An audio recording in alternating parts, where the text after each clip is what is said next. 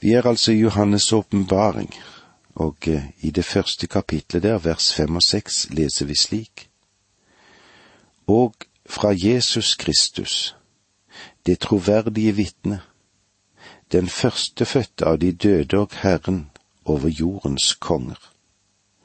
Han som elsker oss og har fridd oss fra våre synder med sitt blod, og som har gjort oss til et kongerike, til preste for Gud sin far. Han tilhører æren og makten i all evighet. Amen. I disse to versene så finner vi flere titler som blir gitt til Jesus. Og det er interessant at det finnes sju betegnelser eller titler. Vi var innom noen av dem sist, og vi går videre i dag. Men la oss nå ta de bak overskriften av det som vi berørte sist, av de fire første punktene. Det troverdige vitne, den førstefødte av de døde, Herren over jordens konger, Han som elsker oss. Og så det femte punktet, da. Han har fridd oss fra våre synder med sitt blod. Kristi blod er meget viktig. Det er ikke bare et symbol.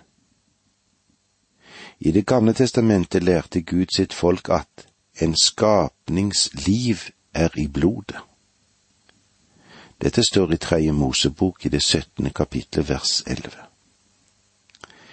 I dette verset fortsetter Gud med å si det slik. Jeg har gitt det til dere på alteret for å gjøre soning for deres sjeler. Da Kristus ga sitt liv, så ga han det for deg og for meg. Han ga sitt liv. Han ga sitt liv, for å si det slik. Og jeg vil ikke unnlate å tale om Kristi blod, eller skyve det til side som noen synes å gjøre i dag. Peter skrev det slik i sitt første brev i det første kapittelet, da i vers 18 og 19. Dere vet at det ikke var med forgjengelige ting, med sølv eller gull, dere ble kjøpt fri fra det tomme livet dere arvet fra fedrene. Det var med Jesu Kristi dyrebare blod, blodet av et lam uten feil og lyte. På grunn av det blod som var gitt, kunne Paulus skrive til den unge forkynneren Timotius. For det er én Gud og én mellommann mellom Gud og mennesker, mennesket Jesus Kristus. Dette står i første Timotius 2, 5. Han løste oss fra våre synder ved sitt eget blod. Dette er en meget og aktiv sannhet. Og det sjette, og som har gjort oss til et kongerike til prester for Gud, sin far. De troende ble kalt konger. De er et kongerike av prester og skal herske med den Herre Jesus Kristus. Det er interessant å legge merke til at det står for Gud sin far. Hvorfor står det ikke for Gud vår far? Fordi han er far for Jesus på en måte som han ikke er vår far. Du forstår at vi blir Guds barn gjennom å bli født på ny, født ovenfra, ved å akseptere ham som frelser. Men Jesu Kristi evige stilling i treenigheten, det er Sønnens stilling. Det sjuende punktet som vi hadde i disse versene er, ham tilhører æren og makten i all evighet. Dette understreker evigheten. Amen. Kristus er amen, som vi så det hos profeten Jesaja. Det er en tittel for ham. Jesus Kristus er både tema og mål for denne boken. Han griper inn i alle hendelser og alt beveger seg i retning av ham. Han er den langsiktige evige hensikt med alt. Alt ble ikke gjort bare ved ham, men alt ble gjort for ham. Dette universet, universet eksisterer for ham. I vers syv, åpenbaringen inn. Se, han kommer i skyene. Hvert øye skal se ham, også de som har gjennombåret ham, og alle jordens folk skal bryte ut i klagerop over ham. Ja, sannelig. Amen. Se, han kommer i skyene. Det understreker Kristi personlige og fysiske komme, det. Hvert øye skal se ham, forteller at han kommer i en kroppslig åpenbaring, en form som kan sees. Det virker som at når Kristus henter sin menighet bort fra verden, gjennom bortrykkelsen, da åpenbarer han seg ikke for alle.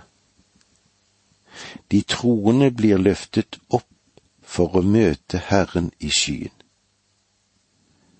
Om Kristus kommer til jorden på det tidspunkt, ser du ingen vits i å bli løftet opp i luften.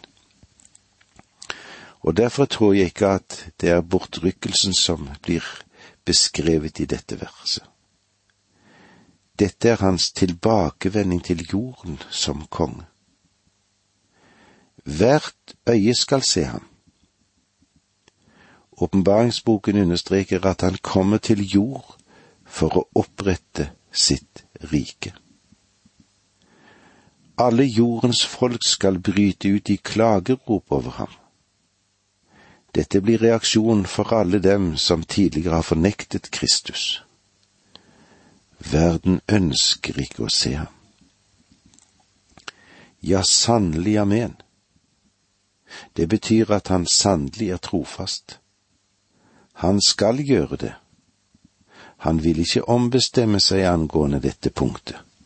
Nei, han er trofast. Vers åtte. Jeg er alfa og omega, sier Gud Herren, Han som er og som var og som kommer, den allmektige. Jeg er alfa og omega. Dette er et svært sterkt uttrykk på gresk. Alfa og omega er den første og den siste bokstaven i det greske alfabet. Ved et alfabet skaper du ord, og Kristus blir kalt Guds ord den fulle åpenbaring av det intelligente kommunikasjon som finnes med Gud. Han er det eneste alfabet du kan bruke for å nå Gud. Han er det eneste språk Gud forstår, og taler det språk der Jesus er alfa og omega, og alle bokstavene som finnes mellom de to. Skal du komme igjennom til Gud Faderen, så må du gå gjennom Sønnen Jesus Kristus. Her ligger vekten ved begynnelsen og enden. Det er ham som vil fullstendiggjøre Guds program. Dette språkbildet henviser også til Sønnens situasjon fra evighet og til evighet. Angående dette så sier òg hebrebrevet til oss i det trettende kapitlet der og i det åttende verset. Jesus Kristus er i går og i dag den samme, ja, til evig tid. Han har ikke forandret seg. Han er ubestikkelig. Siden han er både begynnelsen og enden, så favner han både tid og evighet. Sier Gud Herren det er en bekreftelse på Jesu Kristi guddom. Han som er, det vil si nåtid, han er den herliggjorte Kristus. Som var fortid, det kan peke tilbake på ham som både den som var delaktig i skapelsen, men også hans første komme som frelser. Og som kommer. Det er fremtiden. Kristi andre komme som den suverene hersker over denne jord. Versene fire til åtte har trukket opp et veldig perspektiv med hilsene fra Johannes, han som er forfatteren, og det er fra den Herre Jesus Kristus det kommer. Husk at han sier at han elsker oss. Derfor så skal du ikke være redd, men ta til deg det han har å gi deg. Det var så langt vi kom i dag. Takk for nå, må Gud være med deg. Dette undervisningsprogrammet består av to deler. Åge Nevland fortsetter nå med andre del av dagens undervisning. Vi er i åpenbaringsboken, den siste boken som vi har i Bibelen vår. Og her skildres kampen og lidelsen som vil gå forut for åpenbaringen av den nye himler og den nye jord, hvor rettferdighet bor, hvor vi en dag skal komme. Vi får se inn i Jesu Kristi åpenbaring.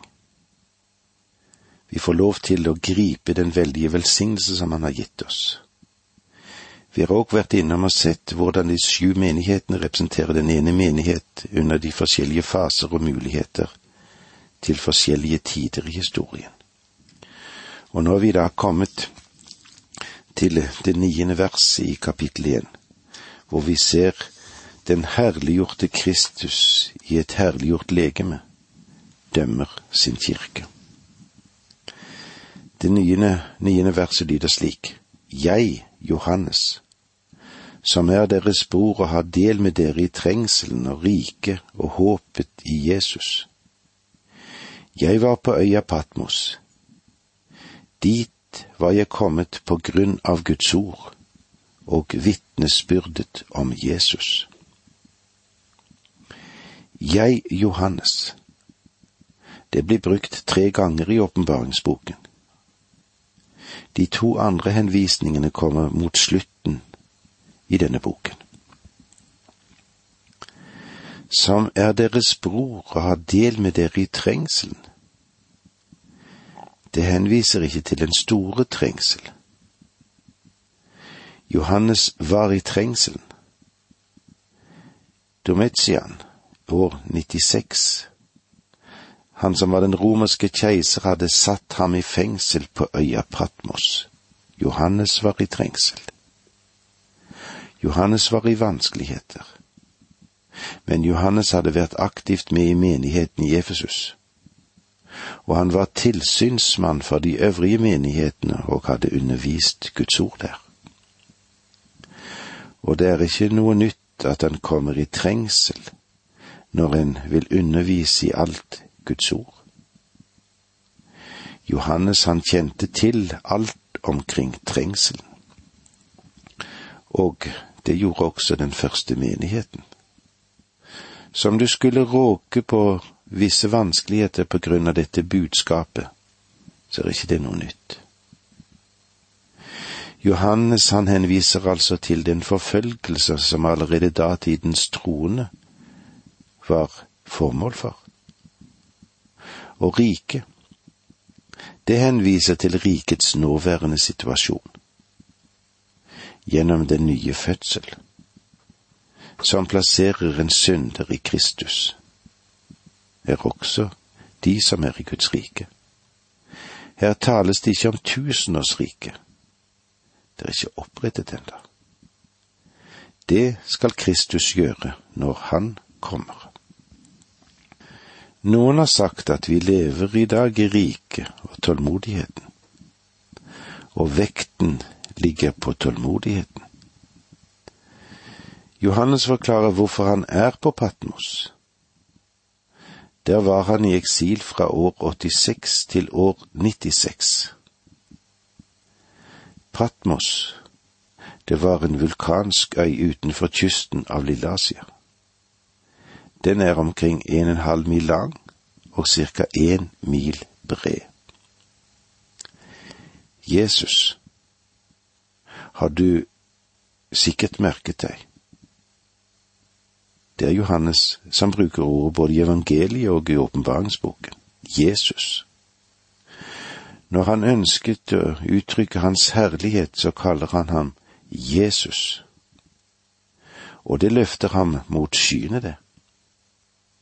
Jeg håper at vi kan oppløfte dette navnet, både du og jeg. Jesus. Før vi ser videre på versen som kommer, så la meg minne dere om at Johannes ble gitt denne mektige visjonen på den ensomme øya Patmos. Det var et syn av den herliggjorte Kristus i et herliggjort legeme som dømmer sin menighet. Med andre ord så skal vi se den store øverste prest i det aller helligste. Nå leser vi videre i vers 10 og elleve. På Herrens dag kom Ånden over meg, og jeg hørte en mektig røst bak meg, med klang som en basun, og den sa, Det du får se, skal du skrive i en bok og sende den til de sju menighetene til Efesos, Smyrna, Pergamon, Tyatira, Sardes, Philadelphia, Laudikea. Her er det Den hellige ånd som gjør sin gjerning. Og derfor ber jeg at Guds ånd må ta det som hører Kristus til, og vise oss det. Det er nøyaktig det den Herre Jesus Kristus sa at Den hellige ånd skulle gjøre når han kom. Herrens presise formulering var Men når Han kommer, sannhetens ånd, skal Han veilede dere den, til den fulle sannhet, for Han skal ikke tale ut fra seg selv, men si det Han hører, og kunngjøre det som skal komme. Han skal forherlige meg, for han skal ta av det som er mitt, og forkynne det for dere. Slik står det i Johannesevangeliet, det 16. kapitlet, vers 13 og 14. Vi begynner her å få et bilde av den herliggjorte Kristus. Vi ser ham her i funksjon i sin tjeneste som den store øverste prest i dag. Jeg er fullstendig klar over at i meg selv er jeg fullstendig udulig til å forsøke å tolke disse veldige versene. Det er bare Guds egen ånd som kan åpne dem opp og gjøre den virkelig for oss. Men i Hebreerbrevet, kapittel 3, 1, så sies det til oss. Derfor, brødre, dere hellige som har fått del i det himmelske kall, se på den utsending og øverste prest som vi bekjenner, Jesus. Så vi ser på ham i hans nåværende tjeneste som den store øverste prest. Kom ånden over meg, sier Johannes. Dette kan òg oversettes med at jeg var i ånden. Den hellige ånd var i funksjon i Johannes og gav ham et panoramautsyn. Dette var i sannhet et widescreen. Her var det lyd, og her var det bilde. Her var det appell både til øyenporten og til øreporten. På Herrens dag Betydningen av dette uttrykket er noe kontroversiell. Noen fremstående fortolkere mener at det henspiller på den tekniske term vi har i Det gamle testamentet, og som jeg har gjentatt mange ganger og har pekt på Herrens dag, eller som Herrens dag. Og det er et synspunkt som jeg respekterer. Men ikke akseptere det selv om det store temaet for åpenbaringsboken har å gjøre med Herrens dag som omfatter trengselsperioden og tusenårsriket. Men Johannes sier at Ånden kom over ham på Herrens dag, kan være to ting, selv om vi ikke alltid skiller de så klart ut fra hverandre. Her er det mer snakk om søndag, som vi henviser til som Herrens dag. Jeg hørte en mektig røst bak meg, med klang som en basun. Hvem var det? Ja, det vil han forklare oss selv, vers 12 og 13. Jeg vendte meg for å se ham som talte til meg. Da så jeg sju lysestaker av gull, og midt mellom lysestakene en som var lik en menneskesønn, kledd i fotsid kjortel og med et belte av gull om brystet. Johannes hørte en stemme som en krigstrompet, og den talte til ham. Når den Herre Jesus stiger ned fra himmelen for å løfte sin menighet fra jorden, skal han komme med et rop. Og i Tessalonikerbrev, i det første brevet der da, i kapittel fire vers 16, så beskrives det for oss på denne måten. For når befalingen lyder og det høres et rop fra overengelen og et støt i Guds basun, da skal Herren selv stige ned fra himmelen, og de som døde i troen på Kristus skal først stå opp. Her er det greske språket med presist.